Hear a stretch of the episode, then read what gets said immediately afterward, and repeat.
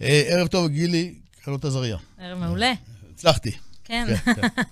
את יכולה רק לספר לנו בשתי מילים מי את, בבקשה? בטח, אני אשמח. אני גילי, אני עורכת דין לנדל"ן, ייפוי כוח מתמשך צוואות, הסכמי ממון, ונדל"ן עם מיסוי נדל"ן כמובן. יש לי משרד שלי, וזהו, בערך.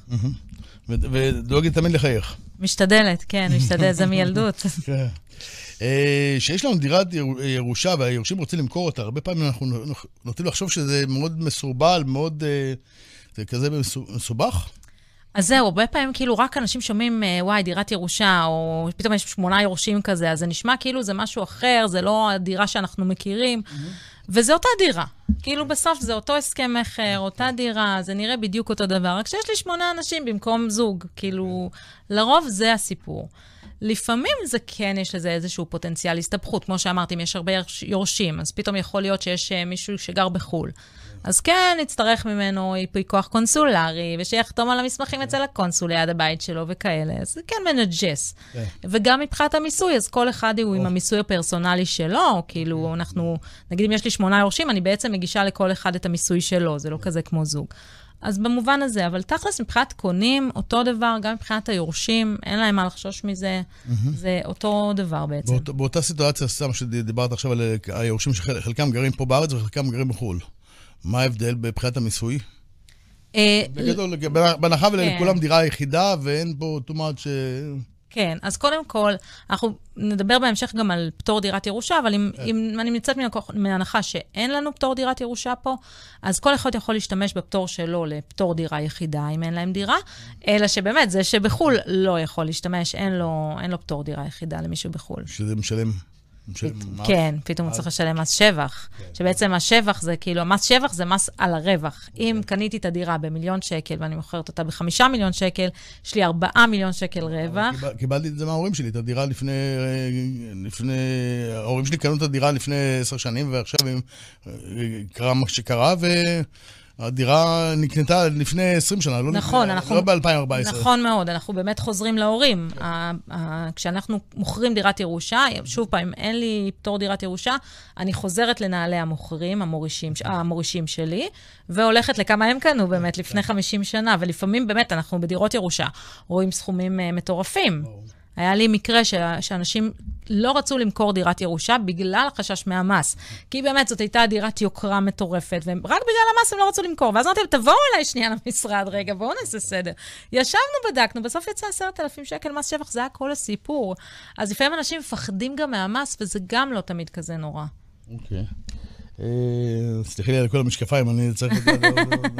אתה מראיין, אתה... דקה צריך כתב ברייל, עוד שנייה. תגידי רגע בבקשה, ומה קורה שרצינו למכור את הדירה ואין רישום בטאבו, ככה באותה נשימה? נכון, אז בדרך כלל הרי בן אדם נפטר, אז יש את הפרוצדורה שצריך לעשות אחרי שהוא נפטר, בין כל הפרוצדורות, אחת מהן זה להוציא צו ירושה או צו קיום צוואה. ההבדל ביניהם, צו ירושה זה צו שאומר, הבן אדם נפטר, הוא לא השאיר צוואה, אנחנו פועלים לפי חוק הירושה, כלומר, בן או בת הזוג יורשים חצי, והילדים יורשים חצי. Okay. וזה צו ירושה. לעומת זאת, אם יש לנו צבא, אנחנו מוצאים צו קיום צבא, זה צו שמקיים את הצבא. Okay. ואז שני, שני הצווים האלה, הרבה פעמים, ופה יש איזושהי טעות, שאנשים באים אליי לערוך צוואה, ופה אני קצת יורה לעצמי ברגל בתור מי שאוהבת לערוך צוואות, אבל באים אליי לערוך צוואה כי אומרים, אה, לסבא שלי היה צריך להוציא צו ירושה וזה היה סיפור, אז אני רוצה לחסוך את זה, אני אעשה צבא. לא חוסך לכם כלום. Okay. אוקיי. אותה פרוצדורה בדיוק מול רשם הירושה, לוקח בסביבות חודש וחצי, חודשיים לרוב לקבל צו ירושה mm-hmm. או צו קיום צבא, אותו דבר. Mm-hmm. ואז עם הצו הזה אנחנו באמת נלך לטאבו ונרשם. שזה גם לוקח לפעמים יום ולפעמים חודש. Okay. אה, זה הפרוצדורה. אה, אני, אני חבר בכל מיני קבוצות, וגם כל מיני יורשים מחו"ל. אה, סתם, אם מחר בבוקר מישהו שנפטר בארץ והיורשים באים מחוץ לארץ מחר בבוקר, כמה, תוך כמה זמן עושים את הזמינות הכי מהר בשביל... אה... שאלה מעולה, כי במצב הזה גם יש לנו פתרון. Mm-hmm. את הפרוצדורה לא נצליח לעשות בתוך יומיים, שהוא מגיע לארץ לשבוע לסידורי לוויה. Mm-hmm. אבל יש לנו פתרון אחר שהוא הסכם על תנאי מתלה. ההסכם הזה בא בעצם ואומר, במקרה של, אם אני מבינה נכון את השאלה שלך, הם רוצים כבר למכור את הדירה ולא לחכות. כן. אז במקרה הזה אנחנו עושים הסכם על תנאי מתלה. זה אומר שיש לי תנאי בהסכם. התנאי בהסכם הוא שאני באה ואומרת, הדירה שלי, אני יורשת שלה. אממה, לא הספקתי להירשם. אוקיי. אני מגישה לרשם הירושה, אני אגיש לטאבו, מתחייבת לכם לעשות את זה תוך ארבעה חודשים, תוך חצי שנה, כל אחד וכמה שהוא מרגיש נוח להתחייב, ואז אחרי זה הדירה שלכם. בהסכם כזה, אז באמת יש תנאי, שאם התנאי לא מתקיים, ההסכם מבוטל ולא קרה שום דבר. ומהצד השני, כן יש ודאות. ההסכם הזה הוא טוב למי שמחפש את הוודאות הזאת. כמו שאתה אומר, מישהו שבא לארץ, תן לו לגמור עם כל השיט הזה, סליחה על הביטוי, וללכת, אז זה, זה פותר לו את הבעיה. מה שכן, המינוס בזה שאנחנו לא נקבל כסף. המוכרים לא, לא יראו כסף באמת, זה הכל בנאמנות בדרך כלל. אה, אוקיי. כי, כי אין לי כלום ביד באמת. אוקיי. אבל יש לזה פתרון. אבל, אבל אותו, יורש, הוא צריך, יכול לחזור לחוץ לארץ והכל פה ירוץ לבד? כן, כן, הוא כבר חותם על הכל, חותם על כל המסמכים, ו- וזהו. כולל חותם על ייפוי כוח, לחתום על מסמכי משכנתה, אם, הקונה רוצה משכנתה, אין, אה, גם את זה פותרים. ואת תתני לו את השירות הזה שמחר בבוקר, אה, אה, את כן. כל ה... כן, בדיוק. אוקיי. ומה קורה אם אחד מהיורשים לא, לא מסכים על מחיר בין... של מחיר הדירה? לא כן, אז בדיוק, זה משהו שאנחנו רואים. לשמחתי, לא המון. אני יכולה כן להגיד בשמחה, שרוב האנשים מסכימים. הרבה פעמים אומרים, תמיד על כסף רבים וזה, אז לא תמיד. אני ארגיע בתור מי שרואה המון המון צוואות, המון ירושות, המון אנשים של היום ביום של אחרי, הם לרוב לא רבים. אבל כן קורה מצב שמישהו בא ואומר, וואלה, לא... אני רוצה לקנות את הדירה. אוקיי, דוד, בוא תקנה את הדירה. אני מוכן לקנות אותה במיליון שקל, אבל היא שווה שלושה מיליון שקל. איך אתה רוצה? כאילו, נחמד שאתה רוצה למכור. אז אני אקנה במיליון. ואז כן יכול להיות מריבה. אז במקרה הזה, גם, גם לזה יש פתרון בחוק. ואני, ואני כשאני מסבירה את זה לאנשים, לרוב אני אומרת להם, בואו לפה, נעשה שנייה שולחן עגול, אני אסביר לכם איך זה עובד. אחרי שאני אסביר לכם, כבר לא תריבו. למה? כי מה זה אומר? זה אומר שאנחנו נעשה תביעה לפירוק שיתוף. נפנה לבית משפט, בבית משפט אני אבוא ואגיד, סליחה, אני רוצה למכור את הדירה, בית משפט ייתן לי למכור את הדירה, הוא לא, הוא לא יאפשר להיות, לדירה הזאת להיות תקועה. גם אם למשל, הרבה פעמים, יש ילד שגר עם ההורים עד ימם האחרון, וטיפל גם בהורים, באמת במסירות אין קץ. והוא מבחינתו דייר מוגן, זו, זאת החוויה שלו. הוא, כן, בחוויה שלו. אי אפשר להוציא אותו מהדירה, קרה לי מקרה, שבאו ליורשים ואומרים, אנחנו מתים למכור את הדירה, אבל אח שלנו גר בדירה, טיפ- טיפל בהורים, ולא מוכן uh, להתפנות. אין שום בעיה, גם, גם במצב הזה, הבית משפט יפנה. ואז פונים לתביעה לפירוק שיתוף. בית משפט קובע שמאי, השמאי קובע כמה הדירה הזאת שווה, ואז מוציאים את זה לשוק. אם אחד מהילדים רוצה לקנות מהיורשים, אז בדרך כלל יאפשרו לו, ואם לא ימכרו את זה, אבל...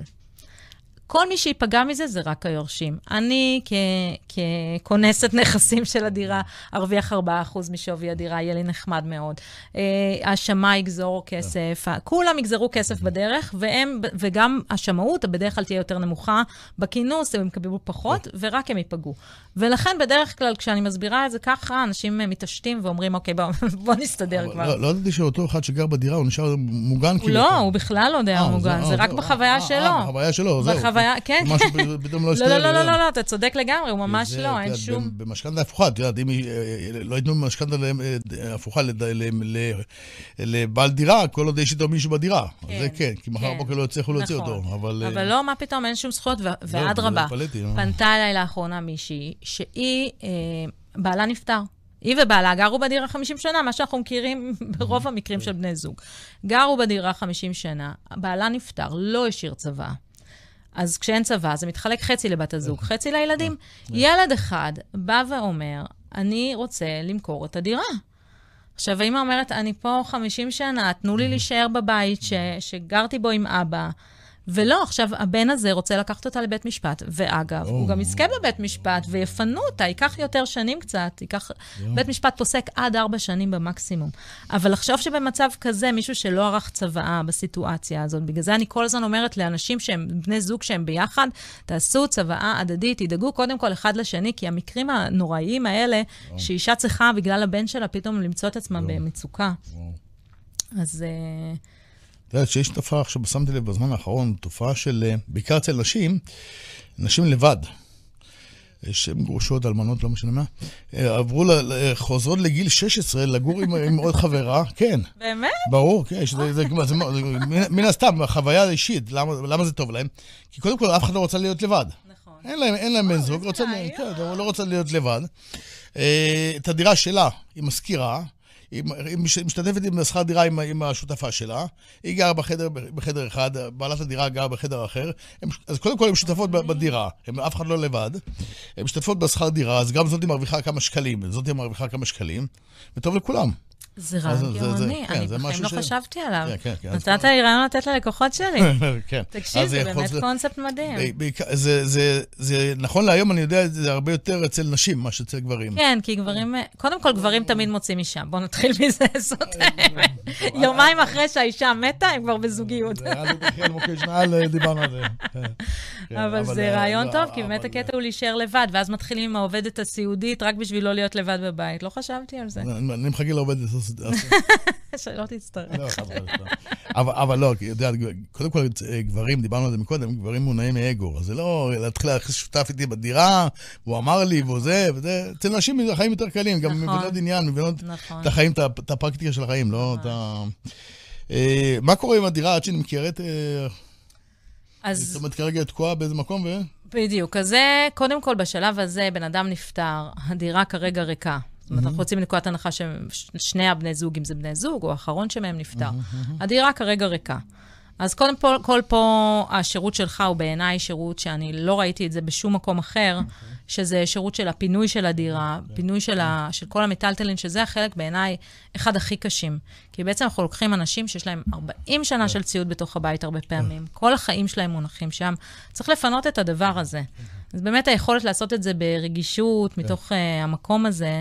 אז קודם כל, כן, לפנות את הדירה. אה, זה, זה משימה ראשונה. אה, ואז ההמלצה, זה נורא תלוי.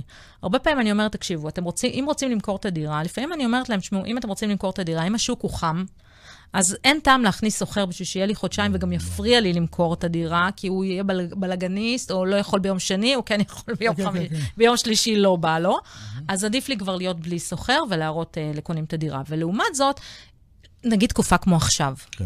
מישהו שעכשיו ירש דירה, זו לא התקופה הכי טובה למכור דירה, כי אנחנו נצטרך להתפשר כשבעצם אנחנו לא באמת לחוצים על הכסף נכון, כרגע. כן. במקרה כזה, הרבה פעמים אנשים שכרגע ירשו דירה מחכים. אז אם אני צריכה לחכות שנה, אני לא אשאיר את הדירה ריקה שנה. חבל לי על הוועד, חבל לי על הארנונה, חבל לי על השכר דירה. אז אנחנו כן נכניס uh, מישהו לדירה כסוחר, אבל מה שמאוד חשוב, שנדאג ב- שבהסכם שכירות כן יהיה רשום שם התייחסות. כלומר, מ- המוכר, המשכיר מתכוון למכור את הדירה. הסוחר מתחייב להראות את הדירה ארבע פעמים בשבוע. לא מזמן התקשרה אליי מישהי עם הסכם שכירות, שאומרת לי, תקשיבי, אני רוצה להראות את הדירה. הוא לא נותן לי. בהסכם כתוב שהוא צריך להראות את הדירה, אבל אין התייחסות לכמה פעמים. הוא צריך להראות את הדירה בזמן סביר, בתיאום מראש. זה מה שכתוב ברוב החוזים, וזה בסדר. אבל... אבל כשאנחנו רוצים למכור דירה, אנחנו כן צריכים כבר להגיד ארבע פעמים בשבוע. וגם אנחנו יכולים להכניס סעיף שבא ואומר שאפשר להוציא אותו בהתראה של 60 ימים, אם רואים שהם, לא יודעת, הוא בלגניסט היום, והוא סתם מפריע לי, אז כבר אני עדיף לא, להוציא. זה משהו, משהו אקוטי, זאת אומרת, זה משהו שהפרת חוזה, אה, מן הסתם, זה, זה, זה לא סתם דייר, זה הפרת חוזה, כי כן. זה משהו שעושה רעש או משהו כן, ככה ש... כן, נכון. אה, את יודעת, אפרופו, אה, כרגע אנשים לא מוכרים, אז אני יודע שאולי ב... בשמונה חודשים האחרונים אף אחד לא מוכר דירות. ממש השוק... מהאנשים אה, שאני נפ- נפגש נכון, איתם. נכון, ממש השוק לא- אה, מאוד... אה, מצד שני, יש הרבה אנשים שמחפשים לקנות היום. כי זה זמן הכי טוב, אדם במים, כל הכרישים יוצאים.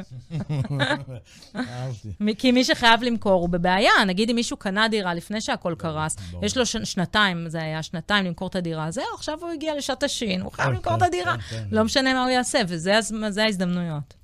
מה קורה לגבי מס ש- מס שבח, לגבי דירת ירושה? אז זאת נקודה סופר חשובה, הנושא של אה, פטור דירת ירושה. יש לנו את סעיף שחשוב להכיר, סעיף 49ב5, שמה שאנחנו קוראים לו פטור דירת ירושה. פטור דירת ירושה בא ואומר שבהתקיים התנאים שנמצאים בסעיף, אנחנו נק... נוכל לקבל פטור מוחלט על הדירה שאנחנו מוכרים. זאת אומרת, אם אנחנו צאצאים או בני זוג של המוריש, אם זאת הייתה דירתו היחידה של המוריש, ואם הוא לא מכר דירה אחרת בפטור, אז נוכל אה, לקבל את, ה... את הפטור הזה. ומה היופי בפטור הזה? קודם כל, זה לא משנה גם אם יש לי 20 דירות, לא נוגע לי בפטורים האישיים שלי, לא מבזבז לי שום דבר. יש לי 20 דירות, עדיין אני אהיה זכאית לפטור אה, דירת ירושה, כי אני בעצם חוזרת למורי שלי, החמוד שהשאיר לי דירה, ודירה יחידה נקייה ממס. אה, אז, אז יש לי את הפטור הזה שלו, ואני יכולה להשתמש בו. אממה, וזאת נקודה שלא יודעים, כי מה שאנחנו מכירים, אנחנו מכירים למשל אה, פטור, פטור דירה יחידה. יש לי פטור דירה יחידה, אז אני יודעת מה אנחנו יודעים על פטור דירה יחידה. בואו נחשוב. אנחנו יודעים שדירה יחידה לא נחשבת דירה, כאילו עדיין נחשבת דירה, גם יש לי שליש בדירה וגם יש לי חצי בדירת ירושה, אני עדיין בדירה יחידה. Okay. אוקיי. אבל זה לא עובד ככה לגבי דירת ירושה. וזה משהו שמאוד מאוד חשוב לדעת, וכל מי שמקשיב עכשיו, שיחדד את האוזניים וייקח דף ועט ויבין את המשמעות של זה. כי okay. זה אוקיי. אומר שבעצם לפעמים יש לי מצבים, זה אני פוגשת לרוב, שיש לי אנשים שיש להם דירה אחת, ובדרך כלל כשזו דירת מגורים, זה יהיה, סתם למשל, לקוחות שלי שיש להם אה, בית פרטי. הבית הפרטי הזה, הם קנו אותו בגרוש ורבע, והיום הוא שווה 8 מיליון שקל. וואלה, יש שם שבח יפהפה של איזה מיליון וחצי שקל בכיף. בכיף היורשים הולכים לקבל. אבל הם אומרים, אוקיי, זאת הדירה היחידה שלנו. אלא מה? יש להם איזו דירת ירושה בחיפה עם עוד שמונה אחים, יש להם שמיני דירה בחיפה, הם לא מחשיבים אותה כדירה אפילו, הם אפילו קוראים לה הדירה של ההורים. כן, כן, אוקיי. אבל זה לא שלי, זה של ההורים שלי. לא, זה שלך, זה דירה שאתה ירשת. ואגב, לעניין הזה, זה לא משנה אם נרשמת בטאבו או לא נרשמת בטאבו. יש כאלה שחושבים שהם חכמים גדולים, ואומרים, אני לא ארשם בטאבו. זה לא משנה, מסתכלים על מתי ירשת את הדירה, מתי הבן אדם נפטר אוקיי, בעצם. ואז השפיץ הזה בחיפה, ששווה, לא יודעת מה, 40 אלף שקל, השמינית שלי, תגמור לי על הפטור דירת ירושה. אז מה עושים? בוא, בוא נחשוב דקה לפני, בוא מה אנחנו עושים. או, מעולה. Yeah. אז בעצם אנחנו במצב הזה, אנחנו נרצה להסדיר. אנחנו, אם יש לנו מצבים כאלה, אנחנו ניקח רגע את מצבת הנכסים שלנו, נראה מה יש לי ביד, ונראה מה כלכלי לי. לפעמים כלכלי לי את השמיני דירה בחיפה להעביר על שם אחד הילדים. לא מפריע לו בחיים, בשבילו זאת תהיה דירה יחידה כשהוא ירצה למכור ולקנות. הוא לא בשלב שלי בחיים, שאני חושבת כבר על הירושה. לא, לא, זה לא מפריע בחיים. אז הדירה של 8 מיליון תהיה דירה יחידה. בדיוק, תהיה okay. דירה יחידה. אז אנחנו ננסה לארגן את זה, את, ה, את הנכסים שלנו בצורה חכמה. לפעמים, אגב, לא מזמן בא אליי מישהו שיש לו שלוש דירות מלאות, יש לו אה, חמישה ילדים, אז אין לו מה לחלק אחד לכל אחד. הוא גם לא רוצה לחלק בחייו את כל הרכוש שלו, הוא רוצה okay. אוקיי. לדעת שהוא מוגן. וגם המס שבח שלו לא היה כזה עצום. אז במקרה כזה אמרתי לו, אל תיגע. לא צריך לא להעביר מתנה לאף אחד, כי לכל ילד יש כבר דירה משלו. אז יש גם שליש מס רכישה, כאילו אין שום okay. אוקיי. טעם במוב הזה. אז, אבל כן, כל אחד צריך, אנחנו צריכים לבחון מה נכון במקרה שלו. הבנתי. אה, את יודעת, אה, אני הולך לעשות עכשיו, קיבלתי, אה, יש לי דרישה להרצאות במעונות יום. וואו. רציתי לדבר איתך על זה. אנשים במעונות יום כבר פנו אליי כמה פעמים שאני אבוא להרצות לאנשים שבמעון יום זה אנשים במצב קוגניטיבי טוב, אולי פיזי קצת פחות טוב, אבל זה אנשים עדיין מתפקדים. ולהסביר להם מה, מה הם, למה הם זכאים ולמה הם לא זכאים, מבחינה רפואית, מבחינה פיזית, מנטלית, כלכלית, כל הדברים האלו. אז אה, זה מה שמדבר, אנחנו מדברים עכשיו, כאילו, זה, זה, זה דברים שאנשים אה, בגיל זה מה שדיברנו מקודם, תכנון מס, לעשות דקה לפני שהולכים לבית אבות, או דיור מוגן. בואו נעשה את הדברים האלו היום, נתכנן את הדירה הזאת של 8 מיליון, נעשה אותה היום, ולא את, הדיר, ולא את הדירה של 40 אלף שקל, כאילו. ממש. זה ככה, אז קחי בחשבון שיש דברים כאלו גם, שאני עובד על דבר כזה גם. מדהים. אז שלא תגידי אחר כך, לא, לא אמרתי. אז אה, זהו, זה... כי אבל עוד פעם, זה, אה, בדרך כלל זה מאוד נוטי, מי שפונים אליי עכשיו. כן. אז אני עכשיו מתחיל לעשות סדרה של הרצאות כאלו. כי להם השירות, אה, כי הם מחזיקים בדירה שלהם עדיין. מחזיקים, כן, הם יוצאים למעון יום לחצי יום. אז... יוצאים למעון חצי יום, חוזרים, הראש בסדר, פיזית או, או, או חצי, חצי בסדר ברוך השם, כאילו, אולי פיזית קצת פחות טוב, אבל בסוף היום הם חוזרים הביתה במעון יום. כן. אז הם רוצים שאני אבוא להרצות להם במעון יום, על מה הזכויות, מה, איך, איך, איך ניגשים לדברים האלו. אז יש לי שאלה אליך בנושא הזה, של אנשים שכן מסתכלים צעד קדימה על השלב הבא שלהם, כי כולנו בסוף נמות. זה הדבר היחיד שבטוח. עד יודעים ספק, נו, כן. הדבר היחיד שבטוח. אז לכאלה שבאמת יש להם את האומץ הזה לתכנן את השלב הבא, מה, איך כאילו אתה מתייחס לזה? מה הטיפים שיש לך דווקא כמי שרואה את השלב שאחרי, שהילדים באמת צריכים להתמודד עם כל הפינוי הזה של הדירה של ההורים, ולהתמודד עם, ה- עם כל הרגע שזה מביא. איזה טיפים לך יש במובן הזה? כאילו, מה, איך אפשר להתכונן לזה מבחינת ההורה? אם יש אז דרך. אה, מה שדיברנו עד עכשיו, אני יודע במקרו, אני יודע, קצת אה, בשוק ההון, קצת נדל"ן, אני יודע קצת במקרו. מחר הבוקר אני יודע שאני נפגש במעון יום עם אוכלוסייה שהיא טיפה יותר מבוגרת, טיפה יותר מבינה, טיפה יותר בעניין, אני פונה למישהי שכמותך, ובואו נעביר את ההרצאה ביחד. כן. אה, אז את יודעת, אנחנו עושים בדיקה, מה, מה הצרכים, מה הדרישות. אולי אומרים, תשמע, אולי בוא נדבר גם על נ- אה, נדל"ן, על שוק ההון. כן. או פנסיה הפוכה, לא משנה מה. אז אני מביא אורח, שאני אביא אורח, שאנחנו נדבר איתם על על שוק ההון. נ- נעשה איזה פאנל כזה, שתיים, שלושה אורחים, כן. ואנחנו נדבר, את תדברי על זה, הוא ידבר על זה, כל אחד ידבר על משהו אחר, את מבינה? להנגיש לאנשים את המידע. כן. כי לא כל אחד בן 70 יושב עכשיו לשמוע איזה פודקאסט באמצע הלילה, עם כל הכבוד, את מבינה? לא, וה- והילדים לא מודעים לדברים האלו, הם לא חושבים על זה. נכון, נכון. ואת יודעת, זה בא לי צורך בדלת הפוכה, פתאום אני אומר, רק רגע, ממעון יום. לא כן. שזה משהו שלא חשבתי עליו. נכון, זה- נכון. אז אה, גם- גם- גם אה, לכל הדיירים זה טוב, כאילו, היא מקבלת חשיפה הרבה יותר גדולה, כי כולם שומעים, כולם ניזונים. נכון. בערב מספרים לילדים שהיה מישהו פרד- בשם פרדי מוסקוביץ' שבא והרצה, והנגיש להם את כל המידע, כן, ואז נכון. כולם מתחילים להיחשף. אז זהו, זה סתם ככה, הרמתי לך חדש, שלא תגידי אחר כך לא אמרתי. אה, מה, מה, איזה דברים אנחנו צריכים, כשאנחנו מגיעים לגיל השלישי, מה אנחנו צריכים להתכונן? זה אפרופו מה שדיברנו לפני רגע, ככה בשתי מילים. אז, אה, אז במובן המשפטי, אנחנו קודם כל, בעיניי חשוב לערוך צוואה. כשיש שני בני זוג נשואים עם ילדים משותפים, אני הכי אוהבת צוואות הדדיות. רוב עורכי הדין, אני כבר אומרת, ואני אומרת את זה תמיד לכל הלקוחות שבאים לעשות צוואה הדדית, לא אוהבים צוואות הדדיות, כי צוואה הדדית היא כובלת. צוואה הדדית היא כמו חוזה ביני לבין בעלי. אני אומרת, אני נותנת לך הכל, אתה נותן לי הכל, אבל זה בתנאי שבסוף אנחנו מורישים הכל לילדים. אוקיי. עכשיו, אחד מבני הזוג נפטר, השני כבר לא, לא באמת יכול לשנות את הצוואה שלו. הוא יכול אם הוא מחזיר חצי מהעיזבון. בואו נראה מישהו שגר בבית, מחזיר חצי מהבית לעיזבון בחזרה. אז זה כאילו הופך את זה לכמעט לא פרקטי. אז בעצם זה אומר שבן אדם לא יכול אחר כך לערוך את הצוואה. ויש מצבי חיים. אני לא, אני, אני אשקר אם אני אגיד שלא. למשל, הגיעה אליי מישהי, שהיא ערכה צוואה הדדית עם בעלה. הם נתנו הכל לארבעת ילדיהם, נראה לי הדבר הכי הגיוני לעשות. אוקיי. אבל ילד אחד נהיה ילד צורר. וואו. הוא לא מדבר איתה, יש לו בעיות התמכרות, יש לו בעיות הימורים, הוא מבזבז את כל הכסף שלו, הוא נכנס לחובות. הילד האחרון שאת רוצה להתחיל להוריש לו מיליונים. אוקיי, היא באה ואומרת, אוקיי, אני רוצה לשנות את הצבא, אני רוצה לערוך צבא. את לא יכולה לערוך צבא. כאילו, אין לה דרך להחזיר את מה שהיא קיבלה. את לא יכולה לערוך צבא חדשה. זה להיתקע. אז יש, יש מינוסים לצוואה הזאת. הפתרון במצב הזה הוא כן לחלק לשאר הילדים במתנה את, ה, את מה שיש.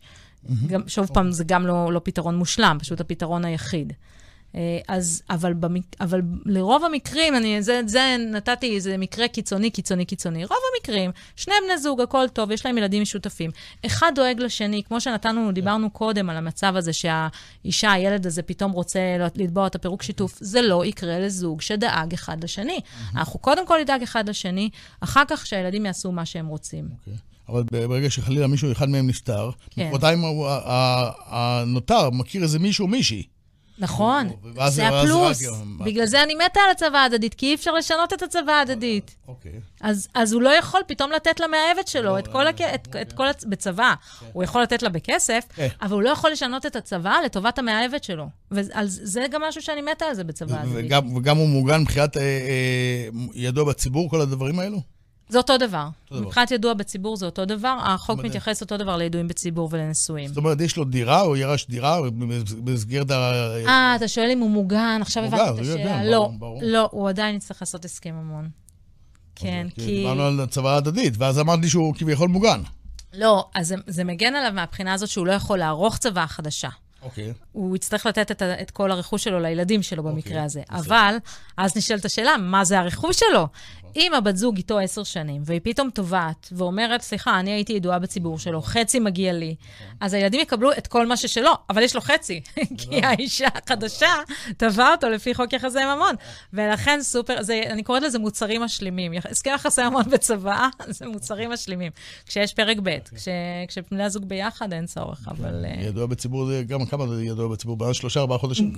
זה כבר נהיה מוגזם לחלוטין, כל, זה פרוץ לחלוטין, כאילו, הקטע הוא שהחוק הוא כל כך נכון וטוב. החוק בא ואומר, לא, לא שייך, כל מה שצברתי לפני לא שייך לך.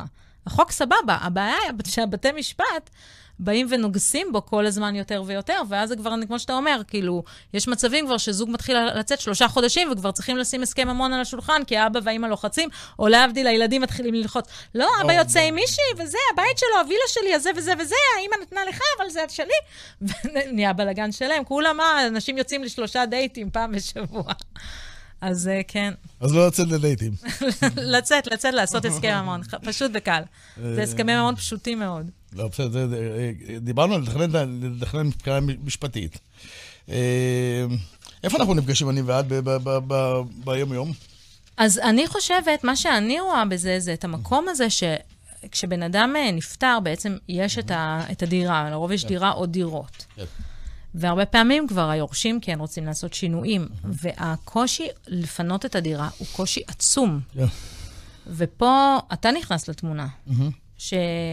שהשירות שלך הוא, כמו שאמרתי, הוא מדהים, שהוא בעצם בא ואומר, מפנה את הדירה, משחרר את ככם מכל ה... זה, זה מצחיק, כי... אוקיי. יש לה סיפור, משהו, לספר לנו משהו ככה? בנושא של פינוי דירה? כן, כן, יורשים שהיה להם אה, נכס שהם ירשו. היה, היה צריך לפנות את הדירה. אז השוק היה גם חם, לא כמו עכשיו, שהוא קפוא, שאוקיי, קח שנה, קח שנה, גם ככה אין מה לעשות עם הדירה אם אתה לא רוצה להשכיר. אבל השוק היה חם, זה היה זמן מעולה למכור את הדירה. אבל היה את הרכוש של ההורים, שהם גם לא רצו למכור עם הרכוש או זה, והם היו תקועים במשך איזה שבעה חודשים. למה? כי אוקיי, זו מטלה שהכי, זה כמו ספורט. מי רוצה לעשות ספורט? אף אחד. אז קבעתי ספורט ליום שלישי, אבל יום שלישי לא בא לי, אז אני לא הולכת לספורט. זה מה שקרה להם כל הזמן.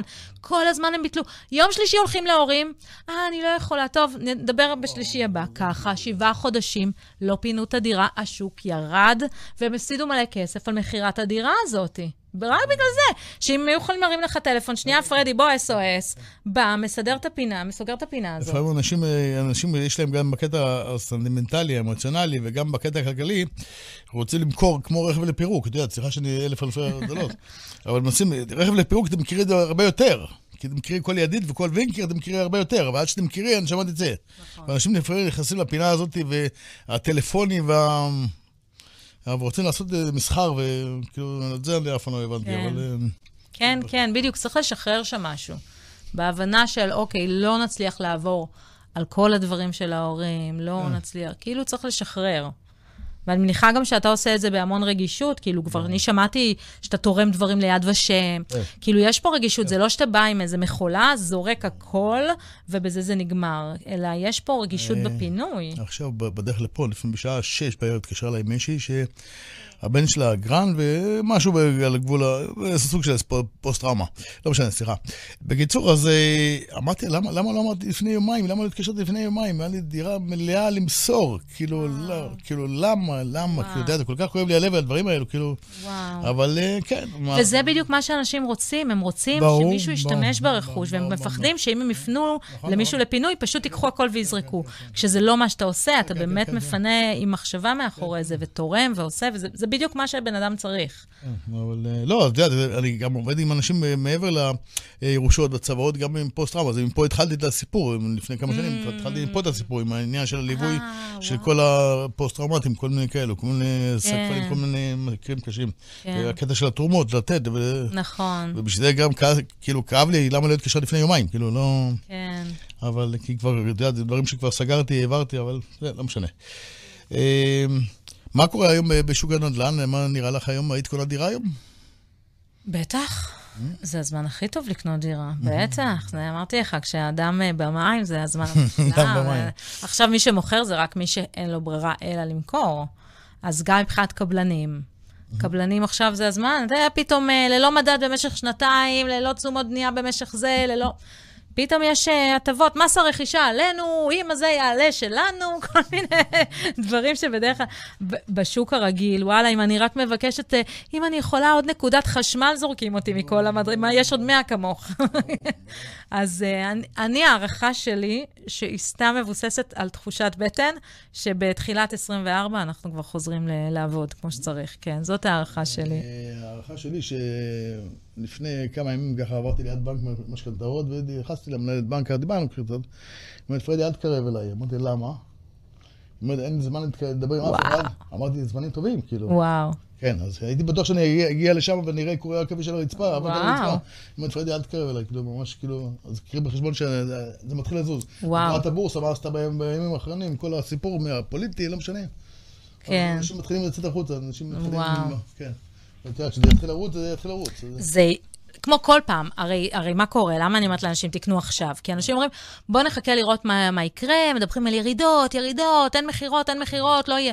וואלה, הנדל"ן כל הזמן עושה את אותו דבר. יש קיפאון, כי מדברים שלא יהיה, לא יהיה, לא יהיה, וכשזה עולה, זה טס. זה טס, זה פתאום קופץ, ואז כבר, אה, יכולתי לקנות את הדירה הזאת בשני מיליון שקל.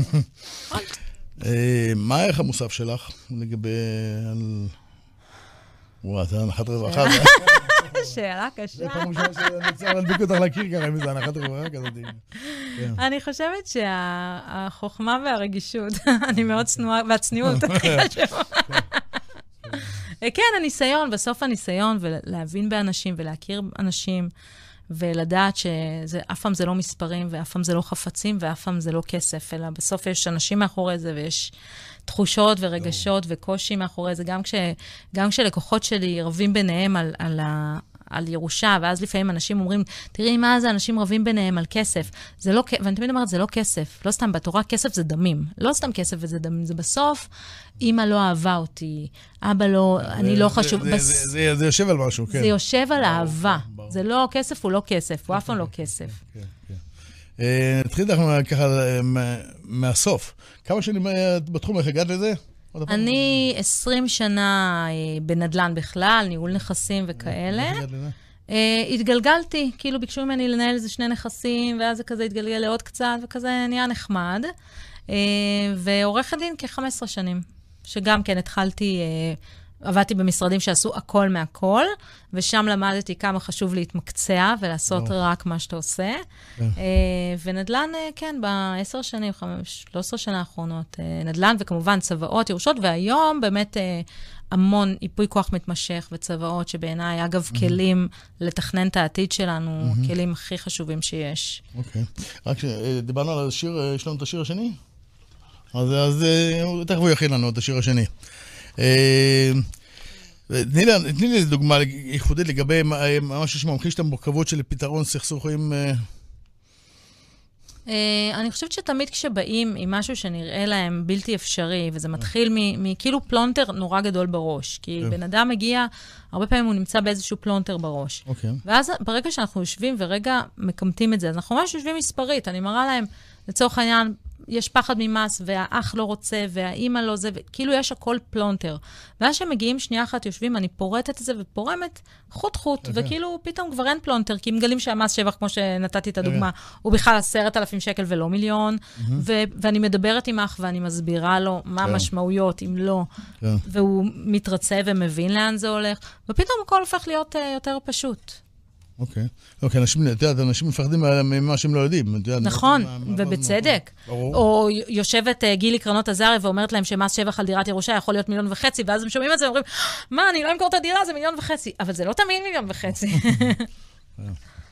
אה, מה מה לגבי המינוף, אם אני רוצה לקחת דירת ירושה ולקנות ולמכור אה, מינוף? כמו אני- כל אני- דירה אני- אחרת. אני אני יכול אה, לקחת, להתחיל לעשות את המינוף כבר היום, לפני שהתחלקנו בירושה, ו... אה, לא, לא נצליח. זאת אומרת, קודם כל, עד שהדירה, כמו שאמרתי, לא רשומה על שמנו בטאבו, והגענו למסקנה מי מקבל, מי מתחלק, אנחנו לא יכולים להתחיל אה, למכור אותה, וגם אם נמכור זה יהיה הסכם על תנאי, אז לא נראה גרוש או. עד שזה ייגמר. אבל כן אפשר, אה, גם נגיד לפני שמוכרים, כל... אם נרשמנו בטאבו, אפשר לקחת משכנתה על הדירה הזאת, ואז אה, להתחיל לגלגל את הכספים עד שמחליטים למכור. מה לגבי משכנתה הפוכה, מה דעתך? אני מאוד בעד. כן? אני מאוד בעד, כי... למה, ספרי לי למה.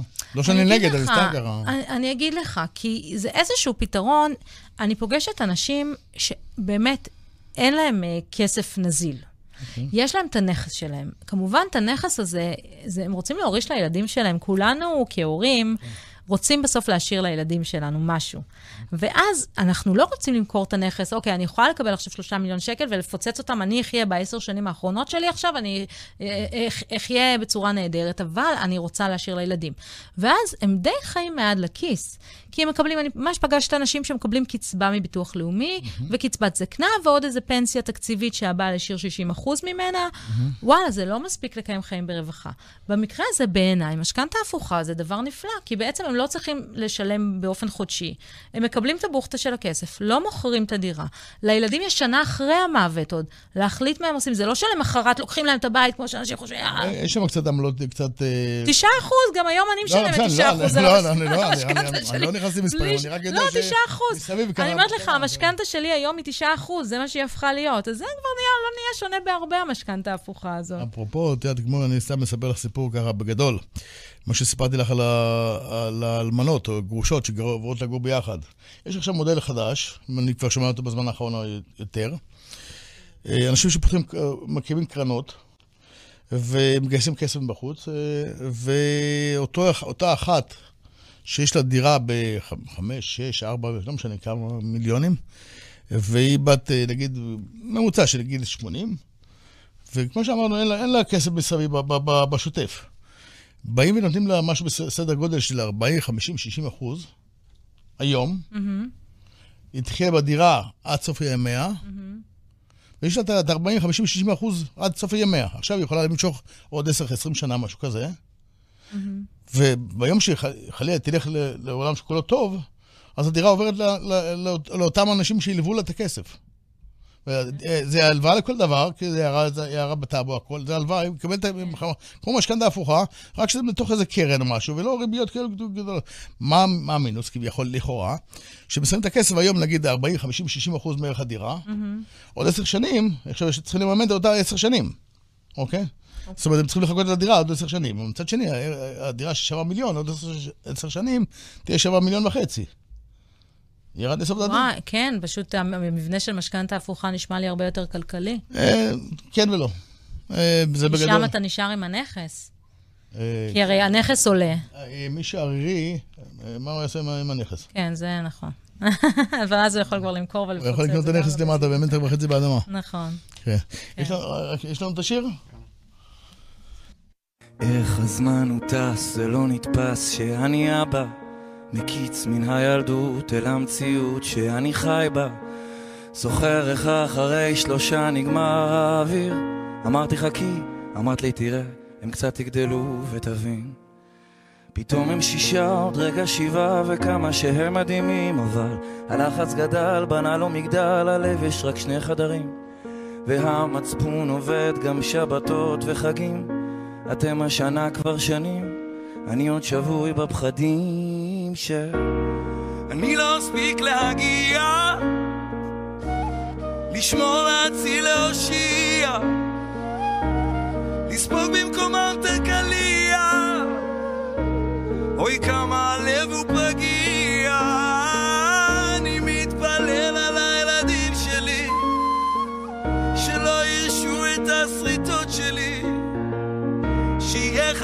אחד את השני, אמן שיהיו בריאים תמיד.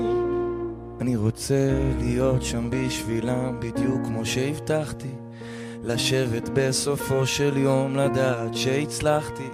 בינתיים סופר ניצחונות קטנים, מבסוט שלא ברחתי. לשירותים או למחשב פשוט עצרתי והקשבתי לסיפורים על ציפורים, למחשבות, לציורים, לחלומות שיום אחד יגשימו. לגיבורים, לנסיכות עם העיניים השותקות, יש ים סודות אם באמת תקשיבו. מתפלל על הילדים שלי, שלא ירשו את השריטות שלי, שיחבקו אחד את השני. אמן שיהיו בריאים.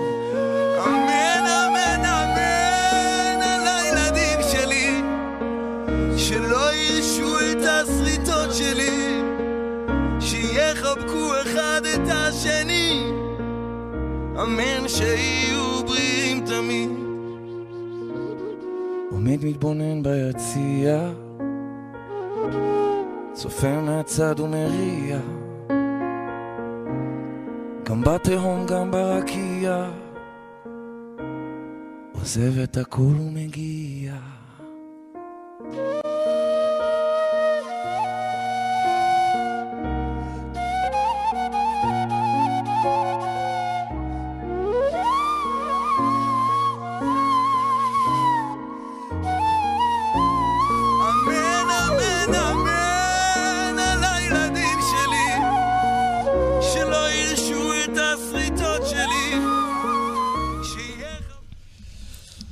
רגע, פרדי, אני רוצה שנייה, סליחה, אני גונבת לך את השידור. אלימה. חטפתי את השידור, פשוט כי... כי דיברנו בהפסקה, אה, וכאילו, אני מרגישה שזה משהו שהוא נורא לא מובן, השירות שלך. דיברנו בהפסקה, סיפרת לי על, ה, על, הש, על הדברים שאתה עושה כן. במסגרת של הפינוי דירות. אז אני, אני ממש אשמח, כאילו, שעוד אנשים חוץ ממני... הוא התחיל לבוא מקומות, וזהו, נו, השתלט פה לאולפן, השתלט פה לכל, וזהו, נו. זו הייתה סתירה, כן? אז אני אשמח שתספר על השירות שאתה נותן, על מה זה אומר לפנות דירה, איך אתה מפנה דירה, מה, מה אתה עושה, מה השירות שלך בכלל. אוקיי. אה, שבוע הבא את פה גם? אני, אה, אם תעביר ל-10 בבוקר, אני באה כל שבוע. אה, מה שאני מתעסק עכשיו, סתם דוגמא, אה, שאני מתעסק באיזו דירה של יורשים מחוץ לארץ, אה, שאני מתחיל מהעניין של הפינוי, שזה הקטע הפיזי, המנטלי, יותר קשה להתעסק בכל הדברים האלו, ואחר כך אני מתחיל עכשיו לשפץ, נכנס לדירה הזאת, אני מתחיל לשפץ אותה, אה, צבע, שפכטל, כל מיני עבודות גבס. אני מאתר את הקבלנים, אה, ואחר כך מנקה את הדירה, ועוד שנייה מוציא אותה להשכרה. כי כרגע זו דירה ש...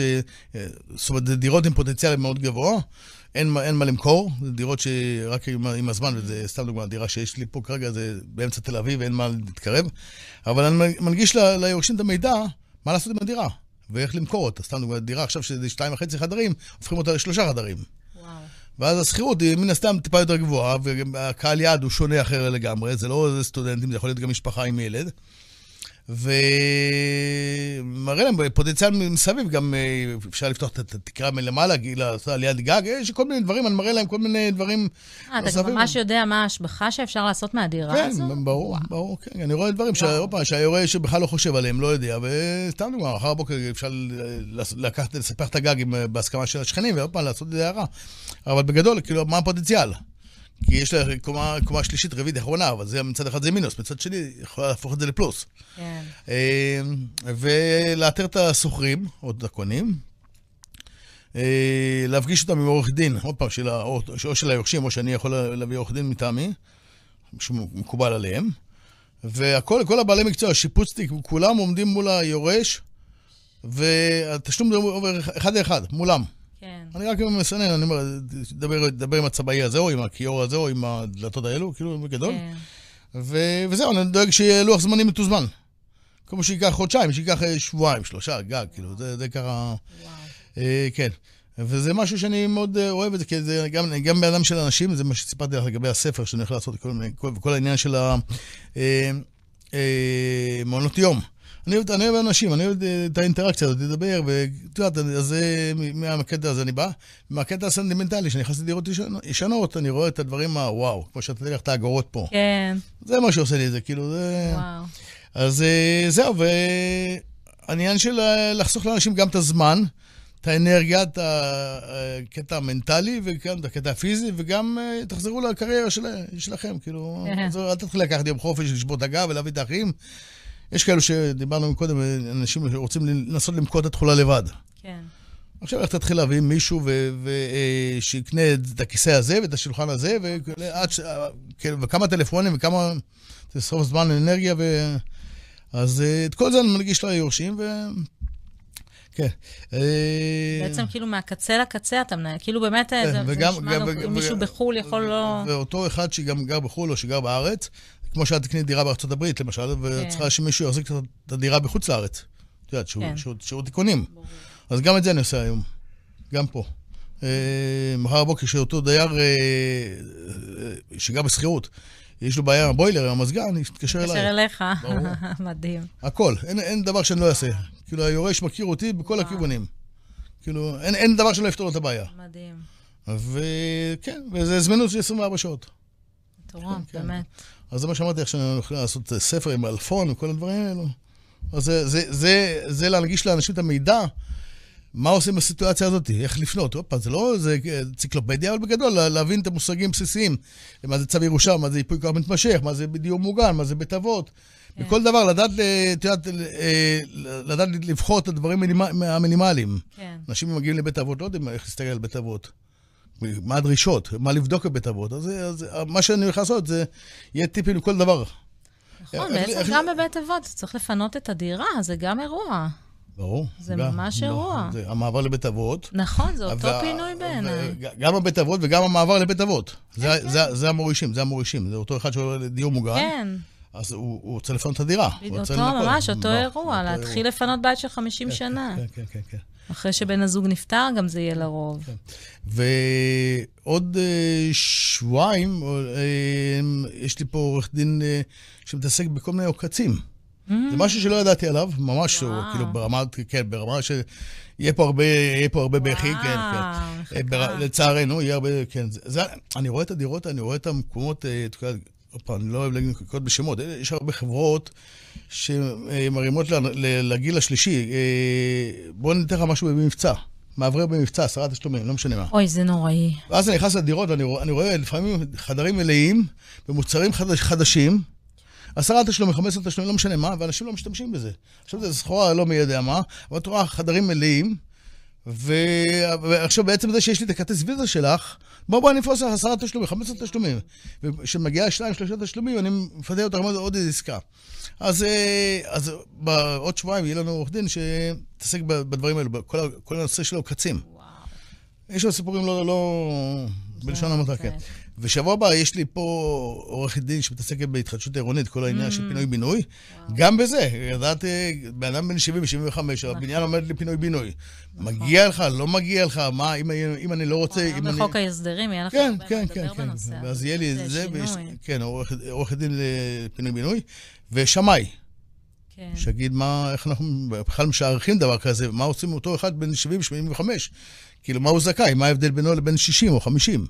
מבחינת כל ההטבות, מבחינת כל המיסוי, יש מיסוי, אין מיסוי, מה, איך עוברים בקטע הפיזי, הכלכלי, המנטלי, איך עוברים, מוצאים מישהו בגיל 70, מוצאים אותו מהדירה, שהוא יעביר שם את כל החיים, מעבירים אותו עכשיו לבית חדש, אה, כאילו, ועוד פעם, למה הוא, לא למה, פשוט. למה הוא זכאי? לדירה קומה ראשונה, קומה עשירית, כאילו, מה הוא צריך? כאילו. כן. אז זה אפרופו זה מה שאני עושה ככה, זה להנגיש. מדהים, באמת לא חשבתי על, ה, על השירות שלך לאנשים שעוברים לדיור מוגן. ברור. זה ממש ו- חשוב. וגם, וגם גם בבית אבות, גם בבית אבות, חלילה שנפטרים בבית אבות, אז הבית אבות זה, יודעת, זה, זה חדר לכל דבר. כן, גם שם צריך לפנות. כן, נכון. אז אותם אנשים שכבר mm. פיניתם את הדירה, אני, היורשים פונים אליי להגיע לבית אבות, לפנות. כן. אוקיי? לפעמים בתי אבות פונים אליי באופן, באופן עצמאי. כן. אז אה, זה ככה... אה, אז למ- למדת עוד משהו היום ממני. לגמרי, לגמרי, ממש. דיברנו? על שותפות אה, בגיל השלישי, שותפות בדירה של... השותפות בדירה, תקשיב, זה שלאגר רציני. אני באמת הולכת להציע את זה ללקוחות נשים שלי, באמת, לגברים לא נראה לי שזה נכון. מתאים. לא, זה לא. זה פשוט להיט, כי באמת, אה, בדרך כלל אני כל הזמן שומעת את המובן הזה של... אז אה, לא יודעת, חשבתי אולי להביא עובדת אה, סיעודית כדי שתהיה איתי, כי בלילה אני מפחדת. עכשיו, זאת לא סיבה מספיק טובה, לעובד, עזוב שגם אין זכאות להרבה פעמים נכון, במקרים האלה. או שבגלל זה עוברים לדיור מוגן. עכשיו, דיור מוגן זה, זה וואחד אירוע, שניים וחצי מיליון שקל פיקדון הזה. לא, גם הקטע, הקטע המנטלי, את יוצא- עוזבת את הבית עם השכנים שלך, עם כל השכנות שלך, עם כל, הח- כל החוויות נכון. שהצטברת ב-40 שנה האחרונות. תראה, זה... לעבור לתוך איזה... בסדר, אבל זה בכל מקרה אתה, אתה מפנה, כי אתה עובר לגור, אם אני עוברת לגור עם חברה שלי, אז בכל מקרה אני כנראה אפנה את אותה. אבל לא תמיד אני רוצה את הדיור מוגן, לא כולם באמת, זה מה שהם רוצים, רק רוצים את החברה, כמו שאתה אומר, ואת ה... לא להיות לבד, את המקום הזה. בוא, בוא, בוא, תראי, גם כשמחר בבוקר את עוברת לגור עם החברה שלך, עם, עם איזה מישהי שמפרסמת דירה להשכרה, שות- שותפות, לא בטוח שהחיבור הזה יתאים, אבל עושים איזה מבחן, עושים איזה התאמת... אה, אני חשבתי שזה שתי חברות שעוברות. לא, גם, לא פעם, אם זה אחת חברה אחת בחיפה, אחת בתל אביב, סתם דוגמא. כן, נכון. כאילו, אז בואו נעשה תיאום ציפיות, בואו נראה, כן. כאילו, נ- נחיה איזה חודש, חודשיים ביחד, נשאיר את כן. הדירה, נראה שכי טוב, אז יאללה, כן, כן. ממש להיט. אז- ול- זה ל- להיט אז היסטרי. יצאתי מזה עוד איזה ערך מוסף מפה. להיט היסטרי. וכמובן, הנושא של הפינוי, שגם. שעל זה לא חשבתי. אני מכירה את השירות שלך, אה, של הפינוי דירות, ובאמת די מהקצה לקצה, כלומר, שאתה מפנה את הדירות, מוצא להם סוחרים או מוצא להם קונים, וגם כל הנושא של השיפוץ, ואני גם יודעת שאתה מביא אנשי מקצוע, ואז גם דואג ל... בפחות כסף ממה שהם היו משיגים וכאלה. אבל לא, לא חשבתי על השירות הזה במובן של אה, דיור מוגן, שיש גם כן אה, לא פשוט לבן אדם לפנות את כל הבית שלו. ולא חשבת על העניין של של מעונות יום, שהולך להעביר הרצאות. נכון. זה בטוח לא. זה- זה- אז יצאנו עם איזה ערך מוסף היום. לגמרי, לגמרי. אוקיי. יש עוד משהו ככה שאנחנו, זמננו מתקצר? אה, כמה זמן יש לנו? תגיד לי. אה, אה, אז בואו נדבר. אז בואי, בואי, רק רגע, השארתי איזה שאלה שתיים בשבילך. אה, אז באיזה מקרים עוד כדאי לעשות צוואות? אז צוואות, חוץ מהמקרה שנתתי של אה, צוואה הדדית, כן. כן אני ממליצה מאוד לתכנן את המוות שלנו. וואו, אתה מבין, יש שם כזאת דבר. כמו סוכן ביטוח חיים, את יודעת, כן. אף אחד- לא אוהב לדבר על ביטוח כן, חיים. לא יודעת, המוות הוא בשבילי לא כזה big deal, אז אני לא קשה לדבר עליו. אבל לתכנן את זה במובן הזה של הרבה פעמים הורים נותנים, רושמים דירה על שם הילד, קנו דירה, רשמו אותה על שם הילד להימנע ממס רכישה, ואז בראש שלהם זאת הדירה שלהם. אממה, כש- כשבן אדם מת, הדירה שהם רשמו על שם דורון, בוא נגיד נפטר, זה יותר... נפטר, אה, סליחה. כשהבן אדם נפטר, הולך לעולמו, אחרי 120 שלו, לאחר איכות ימיו, אז בעצם הדירה שהוא נתן לדורון היא לא חלק מהעיזבון שלו. ואז, אוקיי, נשארה לו סתם דירה אחת. ואז הדירה האחת הזאת מתחלקת בין שני הילדים שלו. אבל דורון כבר קיבל דירה בתל אביב שהיא שווה לו חמישה מיליון שקל, אז למה אני צריך להתחלק? אז, אז נגיד ששני האחים מסתדרים והם שניים מדהימים, מדהימים, מדהימים, דורון ו- ורביד, אחים אין דברים כאלה, אז דורון אומר לרביד, אח שלי היקר, אהובי, מחמל נפשי, חצי מהדירה בתל אביב שייכת לך, אני אעביר אליך, אבל אין כבר דירות מתנה בין אחים, אין חיה כזאת. אז דורון צריך למכור, לר... למכור לרביד חצי דירה. דורון ישלם מס שבח אם יש לו דירה, אם אין לו אז לא יהיה לו מס שבח. רביד ישלם שליש מס רכישה, ישלם מס רכישה על דירה... בח... אירוע! בוא נפתור את זה. עם צבא אנחנו פשוט פותרים את הדבר הזה. או, או מצב של, אה, יש נגיד כמה דירות, ואני יודעת שאני רוצה לכל ילד דירה מסוימת, שהשווי שלהם לא זהה. תכנון מס מושלם. אני יכולה למנוע מס בצורה מדהימה עם הכלי הזה. אה, הסכם חלוקת עיזבון בין היורשים. זה- אגב, אגב, תכנון מס ולחסוך מס, אם כבר הרמת לי עכשיו להנחתה, גם הסכם חלוקת עיזבון יכול לעשות לי את אותו דבר. אם, אם יש לי, נגיד, אה, מישהו שהוריש שלוש דירות אה, לשלושה ילדים, עכשיו הם ביחד שליש, שליש, שליש בשלוש דירות. לא רוצה להיות שליש, שליש, שליש, אני רוצה, תן לי דירה. הסכם חלוקת עיזבון מסדר את זה. אני עושה הסכם חלוקת עיזבון, וקובעת שדירה אחת שייכת לאח אחד, דירה שנייה שייכת לאח שני, דירה שלישית שייכת לאח שלישי, ואז אני יכולה לסדר את זה, ו- ולא צריך את כל העברת, לפעמים לא, לא יודעים על הכלי הזה של הסכם חלוקת עיזבון. מוציאים צו ירושה, רושמים את הדירות בטאבו, שליש, שליש, שליש של שלוש דירות. כן. לכל אחד מהיורשים יש דירה. לכל אחד מהיורשים יש דירה. בואו נצא, אוקיי. נרים לך להנחתה. ועכשיו ירשו דירה, וכל אחד שיש שליש, מקבל ש- שליש. כן. למעשה על השליש הזה יש מס, כי זו דירה שנייה. זאת אומרת, זה, זה, זה, זה, זה לא שהם קיבלו בהתחלה שליש, זה לא, שנייה, שנייה, אני אעשה רגע סדר. זה לא שבהתחלה היה לכל אחד שליש, ואז קנו דירה, וזה זה, לא צריך מס. פה זה הפוך, אבל דירת ירושה לא מפריעה להם לפטורים. שליש. לא, אין, אין, אוקיי. אין מס. אוקיי. אז בעצם יש לי דירה. אה, אה, בעצם, כן, כי למוריש יש לו אה, דירה אחת, כן, כן, סליחה, סליחה, אוקיי. כן, לא, אני לא... לא כן, אני כן, הלכתי לכיוון השליש, אוקיי. בדיוק. כי השליש קצת צרם לי באוזן, בגלל בדיוק, זה. ואז אני עם ההסכם חלוקת עיזבון מסדרת ביניהם, אוקיי. במקום שהיא בטאבו הם ירשמו שליש, שליש, שליש שלוש דירות. לכל אחד יש את הדירה שלו, מבחינה מיסויית זה לא מפריע להם, כי זו דירה שהם קיבלו מההורה, כן, כן. ו- והכל מסודר להם. אז זה בעצם כלי מדהים כדי לסדר את הרכוש, או לחלק באופן שונה, או גם מקרה שהיה לי. מישהי, להבדיל מהמקרה המזעזע הקודם, אה, אבל מישהי שטיפלה בהורים שלה, הם חמישה אחים, ויודעים שריקי, לצורך העניין, שהם בדו, היא טיפלה בכל החיים בהורים, והם רוצים שהדירה של ההורים תהיה של ריקי. אבל ההורים לא ערכו צוואה, ובעצם כל העיזבון מתחלק בין חמשת הילדים. האחים באים ואומרים, גילי, אנחנו רוצים שריקי תקבל הכל. ואז אנחנו עושים הסכם חלוקת עיזבון, בהסכם חלוקת עיזבון רושמים שריקי מקבל את הכל. וזהו, לא צריך לעשות מכירה בין אחים שיש לה מיסוי, לא צריך שום דבר. כשאנשים לא יודעים את זה ורושמים את הדירה בטאבו, יש לנו כבר בעיה. אבל אם שנייה אחת לפני שעושים פעולות, מתייעצים ובודקים, אז רואים שבעצם אפשר לסדר את זה בלי מס. אז הסכם חלוקת עיזבון הוא באמת כלי מושלם. אם רוצים אה, להגיע אליך, אם רוצים לאתר אותך, רוצים אה, ליצור איתך קשר, איך אפשר ליצור איתך קשר? את יכולה להסתכל על הטלוויזיה ולהגיד להם... אז, אה, אז בסלולרי הכי טוב. שזה אומר? 052-8283. מילא, איתי יריד בצרורות, אבל פה אולי מישהו רוצה לרשום. 052-82-83-257.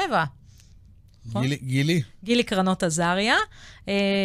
עוסקת במייל, עוסקת בנדל"ן, ירושות, צוואות, הסכמי ממון, ייפוי כוח מתמשך, שזה עוד כלי שהיום לא נספיק לדבר עליו, כלי מושלם אה, גם כן לתכנון העתיד שלנו, אה, והסכמי ממון. אה, וכמובן נדל"ן ומיסוי נדל"ן ביחד. וכמובן, יש לי אתר ובמייל ואיך שבוואטסאפ, כל דרך, יונת דואר. חשבת מה זה, איזה קריירה ברדיו משהו? חשבת משהו? תוכנית בוקר, זה כן, החלום. כן, שמחתי לארח ולהתארח. גם אני, פרדי, תודה, תודה לך, אני זכיתי באמת. הכבוד לי. ואנחנו נתפגש בעוד תוכנית פודקאסט, עוד פרק בסדרת הפודקאסט נדל"ן וירושה שבוע הבא. אנחנו נדבר על העניין של פינוי-בינוי, עניין של שמאות.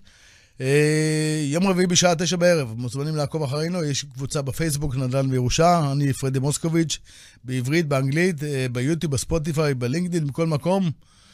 שיהיה לנו המשך ערב טוב וכל טוב. תודה. תודה ביי. רבה. תודה לך. לילה טוב. ביי. נדל"ן וירושה, פרדי מוסקוביץ' בשיחה חופשית עם מומחים על התחומים החמים בעולם הנדל"ן והירושות. הרדיו החברתי הראשון. הכוח חוזר לאנשים. ימוסר